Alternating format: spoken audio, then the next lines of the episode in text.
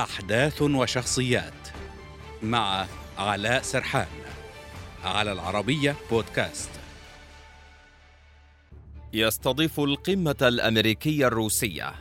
يعود تاريخه للقرن الثامن عشر.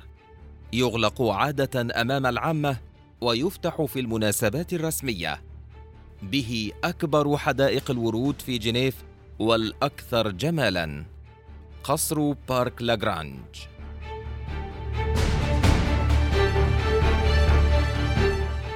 حديقة خضراء شاسعة تفتح أبوابها للجمهور يومياً أغلقتها السلطات السويسرية لمدة عشرة أيام بعد إعلان وزارة الخارجية أن قصرها الريفي العتيق سيستضيف قمة تجمع الرئيس الأمريكي جو بايدن ونظيره الروسي فلاديمير بوتين.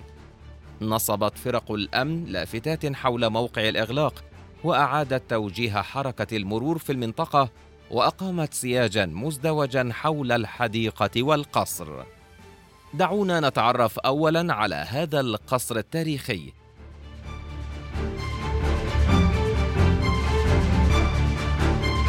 يعود تاريخه إلى القرن الثامن عشر ويقع وسط حديقة تطل على بحيرة جنيف. تم التبرع بالقصر لصالح بلدية جنيف في عام 1917 تحيط به أشجار طويلة ومن بينها بعض أشجار الأرز التي يزيد عمرها على 200 عام.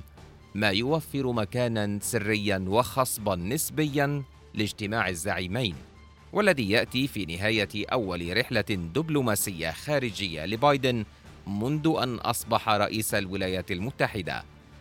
عادة ما يكون القصر مغلقا أمام العامة ويستخدم في المناسبات الرسمية.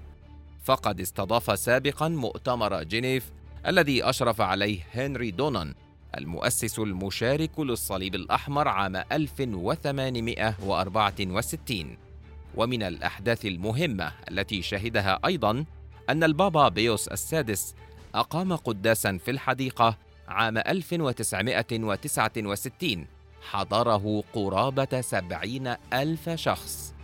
أما حديقة قصر بارك لاغرانج تقع على الضفة اليسرى من بحيرة جنيف وتعتبر أكبر حديقة للورود في جنيف إذ تضم حوالي عشرة آلاف وردة من 200 نوع مختلف لهذا يطلق عليها حديقة المزرعة وتمتد على مساحة أكثر من 213 ألف متر مربع.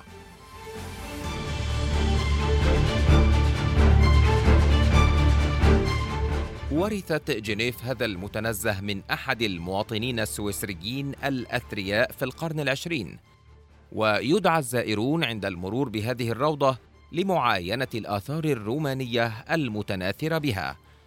كما تضم مسرح de l'Orangerie المستوحى اسمه من أشجار البرتقال التي تحيط به والمصمم وفق الطرازين الكلاسيكي والحديث على السواء. هو يقدم برنامجا سنويا خلال الصيف إضافة للاستمتاع بالعروض الموسيقية على مسرح ديفير. كل هذا ليس غريبا على جنيف التي تعرف باسم مدينة الحدائق.